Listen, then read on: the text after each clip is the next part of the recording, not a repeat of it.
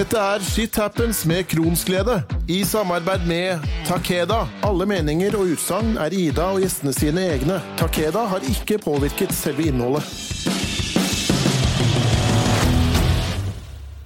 Da var det gått nok en uke, og vi er klare for en ny podkastepisode. I forrige episode snakka IBD-panelet om det å skulle bli forelder når man har IBD. Ikke kun graviditet og fødsel, men vi brukte god tid på å snakke om valget, om redsel for å gi sykdommen videre til eventuelle barn. Vi snakka om redselen for å ikke bli gode nok foreldre, og så snakka vi mye om hvordan det ble til at vi alle valgte barn, og ikke minst gleden det har gitt oss, selv om bekymringene også er der. Jeg mener det er viktig å belyse alle sider av disse temaene, og her finnes det jo ingen rett eller galt. For noen er det å få barn på tross av sykdommen det eneste rette, samtidig som det er for en annen utenkelig å få barn. Det er viktig å ha respekt for valgene våre og valgene medmennesker tar, selv om det ikke er et valg du nødvendigvis forstår. I dag skal jeg prate med Mariann Vogt Østmark, som skal dele sine tanker og meninger med oss. Velkommen, Mariann. Takk. Kan ikke du ta en sånn kjapp intro av deg selv? Eh, selvsagt. Jeg heter eh, Mariann. Eh, jeg er 27 år. Jeg er gift med verdens snilleste mann. Og så har jeg én hund og to katter, og bor på gård. Å, så deilig. Mm. Dette er jo en episode som handler om å ta valg om det å bli forelder eller ikke når en har en kronisk sykdom å ta hensyn til. Hva har du tenkt her? Åh, det er litt sånn um jeg har vel ikke tenkt sånn veldig nøye eh, på noen ting, annet enn at eh, for min del så er jeg veldig sliten. Eh, og da er jeg redd for å ikke strekke til, rett og slett. Mm. Mm. Har det å tenke i de baner av kanskje ikke få barn vært vanskelig, eller er det noe du tenkte allerede tidlig på en måte idet du ble syk, eller åssen har dette vært for deg? Um, jeg um, tenkte det før jeg ble diagnostisert. Mm. Uh, men da hadde jeg jo vært syk en stund, ikke sant. Så, så jeg, jeg, skjønte jo at det, det, her får jeg ikke til. Det her kan jeg ikke få til.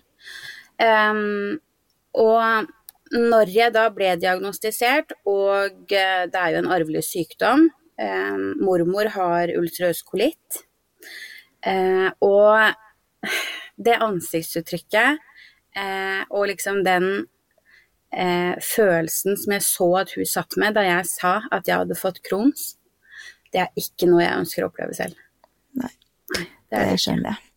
Og dette her kjenner jeg at jeg har lyst til å vite mer om. Jeg blir jo nysgjerrig på tankene dine. Jeg har jo selv fire barn. Jeg er jo litt sånn rake motsetninga til deg. Men aller først, kan du ikke fortelle meg litt om eh, når du blei syk, og litt den reisa som du har befinnet deg på, da? Jo, um, jeg har jo alltid hatt vondt i magen. Uh, helt siden jeg var liten. Det var masse utredninger for uh, cøliaki, laktoseintoleranse, de fant jo ikke ut noen ting. Uh, og til slutt så ble det liksom bare sånn Ja, men Mariann har vondt i magen. Mm. og sånn er det. Um, og det var jo ikke før um, uh, ja, jeg ble kjæreste med og så gift med mannen min, som er farmasøyt. Uh, og jeg begynte å jobbe i apotek selv, og vi skjønte at det skal jo ikke være sånn her. Uh, og så ble jeg veldig dårlig etter at jeg fikk en um, eh, kur med betennelsesdempende medisiner, NSAIDs, som vi ikke skal ha. mm. eh, kjempedårlig. Eh, og da ble det jo utredninger på en måte i voksen alder for å finne ut hva har skjedd. Eh, og det var jo ikke magesår, det var jo at betennelse hadde blussa opp i tarmen, ikke sant. Mm. Um, lang historie, veldig, veldig kort.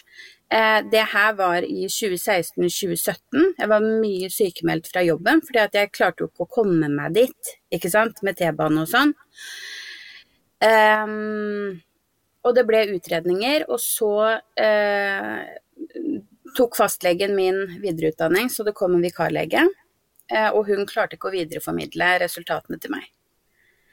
Så jeg fikk ikke beskjed om at Ullevål hadde diagnostisert meg, eh, før jeg havna på ja, rett før jeg havna på akuttmottaket på Ullevål i 2019. Å, fy søren, for en historie.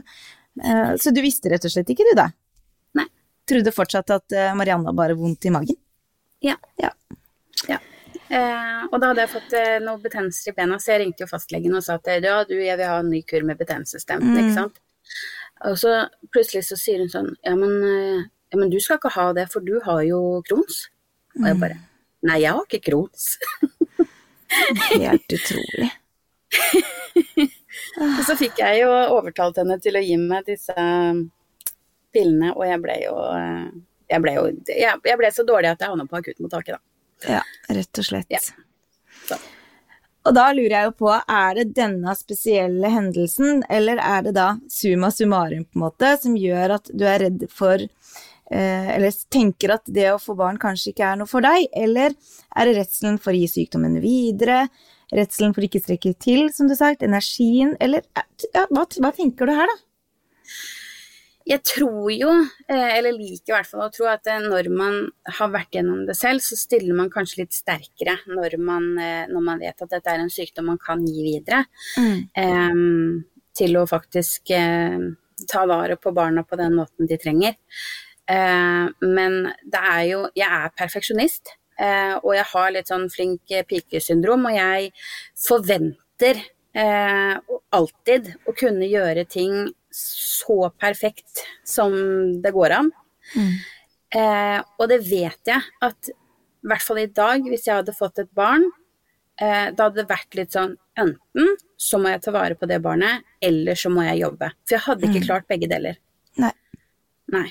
Ehm, og så er det også uh, som sagt, altså det ansiktsuttrykket til mormor når jeg hadde fått Crohns, uh, og hun var Det var sorg, liksom. Eh, det var, og det har brent seg inn. Nå er jo det to år siden, og det har jo brent seg inn i hjertet mitt. Det var helt forferdelig. Hun var jo helt på gråten. Eh, det er ikke noe jeg ønsker å oppleve. Em, og så er det dette med at hvis jeg ikke klarer, og jeg ikke strekker til, så vil enda mer falle på mannen min. Mm.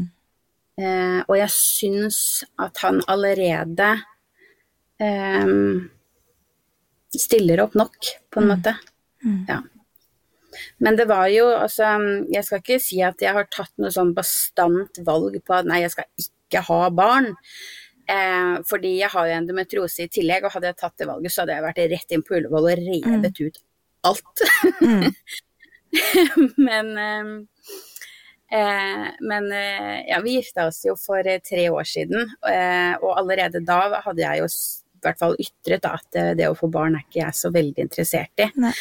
Eh, og da var det litt sånn at vi inngikk en avtale om at hvis, hvis det kommer naturlig,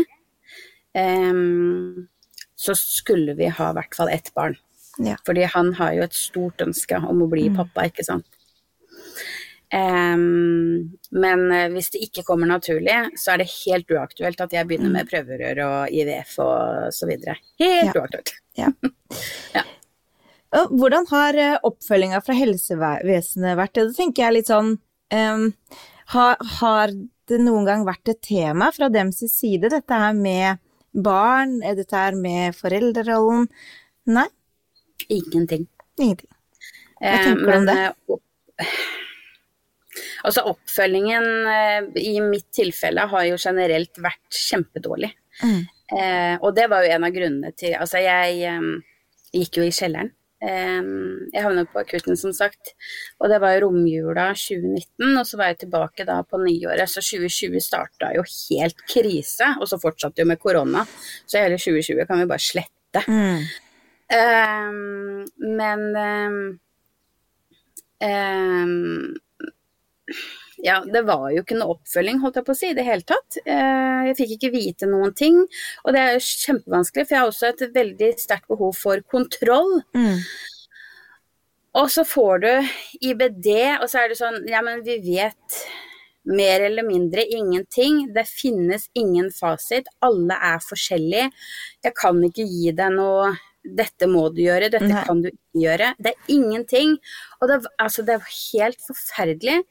Em, jeg var jo kjempedårlig på tidspunktet, og det ble jo ikke noe bedre når du går i kjelleren, ikke sant.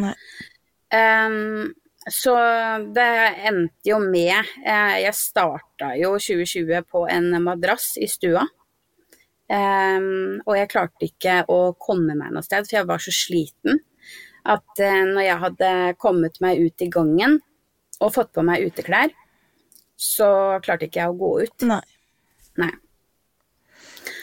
Ehm, og, og jeg husker jo første gangen jeg var på Ullevål, eh, og så sier han, legen kommer inn, og så sier han jaså ja, du er sjuk du, ung og sjuk. Og jeg bare å herregud, hva er dette her for noe? Men det var det han sa. Og mannen min var jo med, så det har jo vi ledd av da nå i ettertid, når jeg har kommet meg litt Er det for en måte å møte pasienter på, liksom? Åh.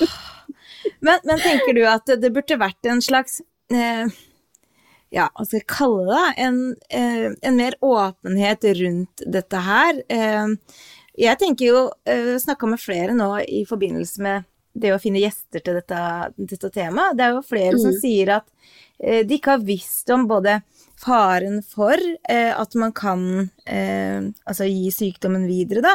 Dette her med å ta et sunt og fornuftig valg, tenker jeg er jo viktig. Så man ikke kommer i den situasjonen da, i ettertid at en sitter og tenker herregud, hva har jeg gjort nå?' Eh, men for å kunne ta det gode valget, da, så er jo det å få god kunnskap om eh, hva det innebærer, kjempeviktig. Mm. Eh, hva tenker du om det? Burde det vært mer eh, fokus på det, kanskje? Altså, jeg syns jo at det burde vært mer fokus på alt, holdt jeg på å si, rundt IBD. Mm. Eh, men der er jo som sagt problemet at det er så lite kunnskap, ikke sant. Man har jo ikke noen fasiter. Og det samme gjelder jo når det er liksom rundt graviditet og fødsel og sånt. Det er ingenting er likt, man har jo ingen fasit. Og da blir det litt for min del i hvert fall meningsløst å sitte på f.eks. et eh, kurs, da. Eh, og så får du beskjed om at ja, nei, altså enten går det bra, eller så går det ikke bra, eller så går det Mm. midt på treet. Det er jo ting du kan tenke deg til selv. Ja. Ja. Um, men eh, generelt så syns jeg jo at informasjonen rundt det, eh, altså rundt IBD-sykdom er dårlig. Mm. Og det at det er arvelig og sånne ting, det burde ha vært en sånn liten checklist som du kan Mm. bare lese deg gjennom. Ja, men jeg tenker Eh, det er viktig. Mm. Og det var jo um, kjempeproblem for min del. fordi at det, for det første, når du begynner å google, ikke sant, så all riktig informasjon er jo på legespråk. mm. Ja. Eh, og jeg kan ikke legespråk. Heldigvis for min del så var jeg jo da gift med eh, farmasøyt, Mm. Eh, sånn at han kunne oversette. Mm. Eh, og hvis, ikke hvis jeg ikke hadde vært eh, gift med han når det her skjedde, da, da, vet jeg ikke, da vet jeg ikke om jeg hadde kommet meg gjennom det, rett og slett. Jeg var så Altså, jeg gikk rett i gulvet. Hva tror du kunne vært gjort annerledes da, for at du ikke hadde um, Altså ja, vi får jo alle en smell ved å få en kronisk sykdom, det kommer man ikke unna. Men jeg Nei. tenker for å hindre den der smellen, da. Har du tenkt noe på hva som burde vært annerledes? Ja, altså for det første ehm, Det som gjorde Altså beskjeden fikk jeg jo på en måte bare sånn Ja, men du, du skal jo ikke ha NSAIDs fordi du har Crohns, ikke sant. Mm. Det var jo ikke noe sånn Ok, nå har jeg fått resultatene fra Ullevål, og de eh, har konkludert med at du har eh, IBD. Eh, det var jo bare sånn ja ja, men dette visste du, liksom. Mm. Eh, og det gjorde jeg jo ikke. Og igjen bare nei, jeg har ikke krons. Og hun jo, jo, Ullevål sier at du har krons. Jeg bare nei, jeg har ikke krons. Og så fikk jeg jo NSAIDs, ikke sant. For jeg var jo helt bastant på at nei. Mm. Ja, så lenge ikke du har fått en informasjon, så er jo det umulig Ja, å vite, det- Jeg levde fint på det, holdt jeg på Ja. å si. Eh, men så um, Og jeg nekte, jeg benekta det. Det skal jeg bare si. Jeg gjorde det. 100 eh, Og det gjorde jeg eh, helt til jeg lå på Ullevål, egentlig. Eh, fordi jeg følte ikke at jeg hadde blitt utreda ordentlig. Jeg hadde jo vært gjennom koloskopi og alt det der, ikke sant. Men Men jeg følte ikke at jeg hadde blitt utreda ordentlig, og jeg følte at det var litt sånn fingeren i lufta-type Dette passer inn, så vi tar det.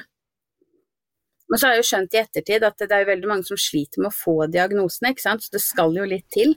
Eh, og det òg var jo litt sånn åh, enda en smell liksom, at Mm. søren, og jeg får ikke nekta meg ut av det her. Nei. Nei. Og det er jo eh, mange ting en skal ta eh, stilling til da, når en får en, en alvorlig kronisk sykdom. Jeg tenker at det er mange ting vi, vi må uh, igjennom, og spesielt da, som damer også. Det er mange ting. Uh, Mm. men åssen har det vært for deg i forhold til familie, venner og den biten der? Har de masa på deg i forhold til dette med å få barn, da? Eller altså, det, det er jo naturlig. Uh, nå vet jo ikke jeg hvordan det er, jeg ble mamma som 25-åring, men jeg, kan jo, jeg ser jo allerede idet jeg hadde fått nummer én, så blei det jo fort mas på nummer to. Ikke sant? Ja. At det, det er så eh, Det er på en måte lov å mase om dette med å få barn. Eh, eh, noe jeg egentlig syns er en litt uting, da. Jeg tenker at det er viktig at Mhm. dette er et personlig valg. Ja. Eh, det har liksom roa seg litt nå, men da vi gifta oss, da var det veldig mye. Da Mm. var det hver gang vi møtte familiemedlemmer igjen, så var det sånn Ja, nå kommer det vel snart en uh, ny fukt, ikke sant? Og jeg bare Nei, gjør ikke det. um, og pappaen min, han er uh, veldig klar for å bli besteforelder, for å si det sånn. Ehm, og der er det ikke sånn at han bare maser på meg, han maser jo på søsknene mine også om meg. Ja, ikke sant. Ja. Ehm, vennene våre, uh, der er det heldigvis Det er ikke noe mas i det hele tatt. Uh, men der har jeg også Jeg har ikke vært um, Jeg har ikke vært helt åpen om hvorfor um, jeg ikke ønsker barn, og hva jeg har tenkt sånn i dybden rundt det. Mm. Uh, men de vet at um, For det første, det å få barn står ikke øverst på ønskelista mi. Eh, og for det andre, hvis det kommer et barn, så er det altså så nøye planlagt Mm. at eh, jeg tror det er få barn som er så nøye planlagt. Em, men um, også i, i mannen min sin familie så er det litt mer sånn eh, subtile hint. Ja. Ja. Men du fanger det jo opp, ikke sant? Og så Mm. blir det sånn. Ja, altså, i hvert fall fordi man er litt sånn eh, man, eh, man blir jo helt sikkert ganske var på det, ikke sant? Det er jo et så, en, ikke en sår greie, men allikevel eh, Det er så forventa av oss kvinner at vi skal få barn, at når Mm. man da eh, tenker det motsatte, så er det jo lett for at ikke det blir respektert da, på samme måte som eh, de som velger å stoppe etter nummer to, ikke sant? Mm. Det er jo noe med Mm. den derre eh, Ja, føler du at valget ditt har Altså ikke valget, men det å tenke de veiene man kanskje ikke skulle bli foreldre, da. At det blir respektert. Nei, jeg gjør jo ikke det. Jeg føler at eh, Eller i hvert fall em, Jeg føler at hvis det skal respekteres, så er jeg nødt til å utbrodere på en måte hele årsaken. Mm. Og det er det ikke så mange som har noe med Nei. når jeg bare sitter og snakker med tilfeldige personer og bekjente. Um, og når man sier at nei, jeg, jeg har ikke så lyst på barn egentlig, jeg er ikke helt der, eh, da er det litt sånn eh, Veldig ofte så er det jo eh, ja, nei, men det går over. Mm. Eh, du kommer til å tenke annerledes. Du kommer til å angre hvis Mm. du ikke får barn. Mm. Eh, ja, men det er jo så givende. Og så sitter det venninner, fått tvillinger, har ikke sovet på fire uker. ikke sant? Jeg bare, Mm. Hvis jeg ikke sover på en dag, Mm. så er jeg en zombie. Ja. Og så er det noe med den derre Når jeg sier at jeg er sliten, og så sier en frisk venn ja, Mm. jeg er også sliten, og jeg bare Nei, du er ikke det. Mm. Og dette her med å respektere hverandre sine grenser er jo kjempeviktig. Eh, Mm. og en er seg sjøl nærmest, ikke sant? Sånn at det hjelper ikke det her å skulle bestemme hva eh, Ja, det, det er farlig å begynne Ja. å legge føringer i hva andre bør eller eh, skal. Jeg tenker Ja. at uh, vi må vokte oss vel for det. Men er du redd for å angre, da? Jeg spør rett ut, jeg, er du redd for å angre hvis dere nå ender seg sånn at dere velger å ikke skulle få barn? Ja, det er klart. Jeg er jo kjemperedd for det. Mm. Um, og det er jo eh, fordi at jeg har- er ikke noe sånn um, Altså, jeg så det var ei som nå ville sterilisere, eller skulle sterilisere seg pga. at hun ikke ville ha barn pga. klima og sånt. Mm. Eh, og jeg har jo ikke noen sånn grunn, det er, det er jo helt personlig. Mm. Eh, og det er også noe med eh, Jeg er også redd for eh, For mannen min sin del, ikke sant? At, eh, at det skal være et så stort eh, tap for han. At, at han til slutt tenker at eh, nei, det her vil jeg jo ikke eh, være med på. Mm. Uh, fordi at uh, selv om jeg går ut på dato, holdt jeg på å si, så gjør jo ikke han i Nei. samme grad. Mm. Um, så han har jo på en måte alltid muligheter til det, og selv om jeg tenker at jeg kan godt være liksom den kule tanta, ehm, så vet jeg at han har et helt annet behov. Mm. Men vi er to forskjellige mennesker, og jeg er veldig selvstendig. Jeg trenger ikke så mye nærhet og eh, Hva skal jeg si? Altså jeg trenger ikke at noen er veldig avhengig av meg. Jeg trenger Nei. ikke å gi så mye omsorg, men det gjør han. Mm. Um, han har et voldsomt behov for det. Um, så jeg er jo redd for både å angre for min egen del, spesielt eh, når man blir godt voksen, Mm. og vennene begynner å få barn som er liksom 20-25, ikke sant. Det, og man har en sånn veldig god familiedynamikk. Mm. Um, det er det jeg kommer til å være redd for. Mm. Men så var jeg på sånn um, strikkekafé, eh, og da var det en dame som sa um, ja, det vanskelige er jo ikke når de er små barn. Det er jo ikke noe vanskelig å dekke behov som tørst, sulten Nei. og skifte bleie. Nei, Det som ikke. er vanskelig, det er jo når de blir eldre. Og så blir det litt sånn åh, fordi den perioden som veldig mange på en måte sier da at det er den tyngste, den varer jo ikke så lenge. Nei. Men den alderen de går på skole, Mm. den er jo evig lang. Mm. Jeg må jo si, jeg har jo, ikke sant, jeg har både en, Den minste hos meg er jo fire, og den eldste er jo tolv. Um, og det er klart at de eh, Det forandrer seg. Jeg syns at det er vanskelig på hver sine måter, ikke sant. Det er jo, Dette her når de er små, så krever det jo mye av deg fysisk. Eh, Veldig mye fysisk eh, i forhold til at det er bleieskift, ikke sant. Og det er mye følging i barnehagen, mye tørking av snørr og tårer, mye sykdom. Men Mm. idet de blir tolv, da, så krever det mye psykisk. Dette her med alle hormoner, alt oppfølging av den derre eh, Alle venninnekrangling, alle de tinga der. Så det forandrer seg. Og jeg har jo både tantebarn og sånt som er eldre enn det igjen, og, og venners barn, ikke sant. Så man ser jo at Jeg tror ikke det er noe lettere å ha en 18-åring heller. Ikke sant? For det Nei. følger jo Det er jo nye problemer uansett. Men så har det alt det gode. Så tenker at det aller viktigste er jo å ta valg som en kjenner er riktig for seg, og så eh, Ja, det er absolutt ingen uh, walk in the park å ha, ha barn. De som sier noe annet, de har lyst til å prate litt med sånn i, i dybden, for det er klart at det er Det, det krever at du faktisk um, ja, sånn som for eksempel blir du syk sjøl og ungene dine er friske da, så er det jo ikke bare å legge deg ned. Det jo, du må jo liksom bare stå i det, da. Men ja, det er den derre Jeg tenkte det er viktig da å ha respekt for hverandre sine tanker rundt det. Eh, Men skulle du ønske da at det var mer åpenhet og mer prat om det å velge bort barn? Um, ja, eh, men jeg er også litt sånn eh, fordi at i hvert fall i min generasjon og, eh, og generasjonen under, der er det jo eh, veldig mye mer åpenhet rundt det, og det er mye mer aksept rundt det. Eh, og jeg ser jo at det er jo godt voksne mennesker som ofte blir veldig sånn å herregud, nei, da går du glipp av noe, liksom. ja. Ehm, og uh, de trenger jo ikke jeg å forholde meg til i, i like stor grad, holdt jeg på å si. Um, moren min døde jo i 2010 av kreft, og pappa bor i Danmark, så jeg slipper jo slipper liksom å ha det hengende over Mm. meg. Eh, så det er veldig lett for meg å bare ta avstand fra det, og vennene våre er jo eh, Altså, de kjenner meg godt. De Mm. vet hvordan jeg er. De vet at jeg eh, eh, hadde levd helt fint uten barn, eh, og at hvis jeg hadde fått barn, så hadde jeg nok vært veldig, veldig, veldig eh, god, omsorgsfull, snill.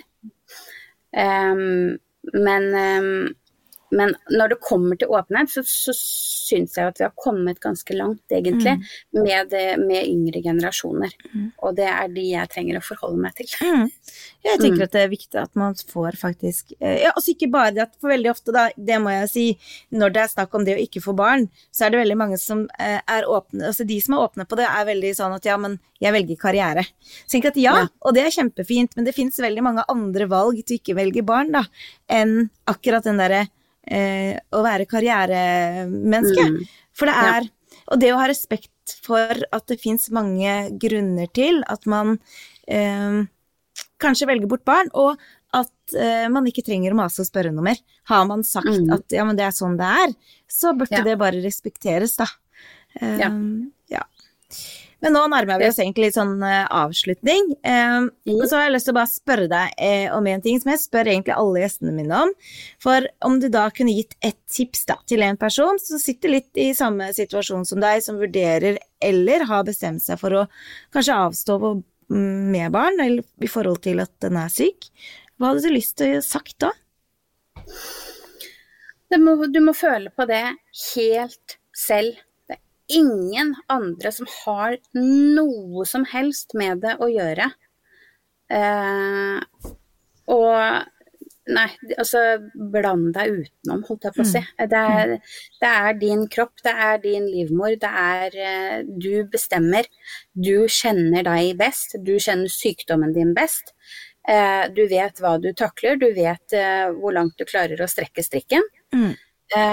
og gamle kjerringer eh, som sitter og mener det ene og det andre, og du mm. kommer til å angre, og du går glipp av både det ene og det andre. Eh, bare tune det ut. Mm. Ja. At det å få barn eller ikke er et personlig valg, eh, det er det jo ingen tvil om. Når man i tillegg da har en sykdom, eller kanskje flere også, så blir det jo enda vanskeligere. Nå er det jo mm. engang sånn at flesteparten velger å få barn på tross av sykdom. Derfor så blir jeg faktisk imponert og full av respekt over de som åpent gir en stemme til de som velger noe annet enn det folk flest gjør. Eh, takk, Marianne, for at du har delt tankene dine om et sårt og ganske vanskelig tema. Det er jo viktig Ja, vær så god. det er viktig å huske på at det fins jo ingen fasit. Det er ikke noe rett eller galt, og det er like mange historier som det er mennesker. Og vi må faktisk ha respekt og forståelse for andres personlige valg. Og din åpenhet, det kan hjelpe ganske mange andre da, til å våge å stå opp for seg sjøl og sine ønsker. Tusen takk. Bare hyggelig. Sitter du med tanker eller har spørsmål etter dagens episode, så ta kontakt på kronsglede.alfakrølloutlook.com. Der kan du også komme med tips til gjester, ønsker til tema osv. Jeg er på Facebook under Kronsglede og på Instagram som shithappens understrek kronsglede. I tillegg til podkasten så er jeg IBD-rådgiver, konsulent, foredragsholder og mye mer, så ta kontakt for mer info. Husk å abonnere på podkasten så du får varsel når neste episode slippes. Og til vi høres igjen, Ta valg som du selv kan leve med, ikke valg ut ifra hva naboen syns du bør eller ikke. Det er ditt liv og dine valg. Shit happens med Kronsglede, i samarbeid med Takeda.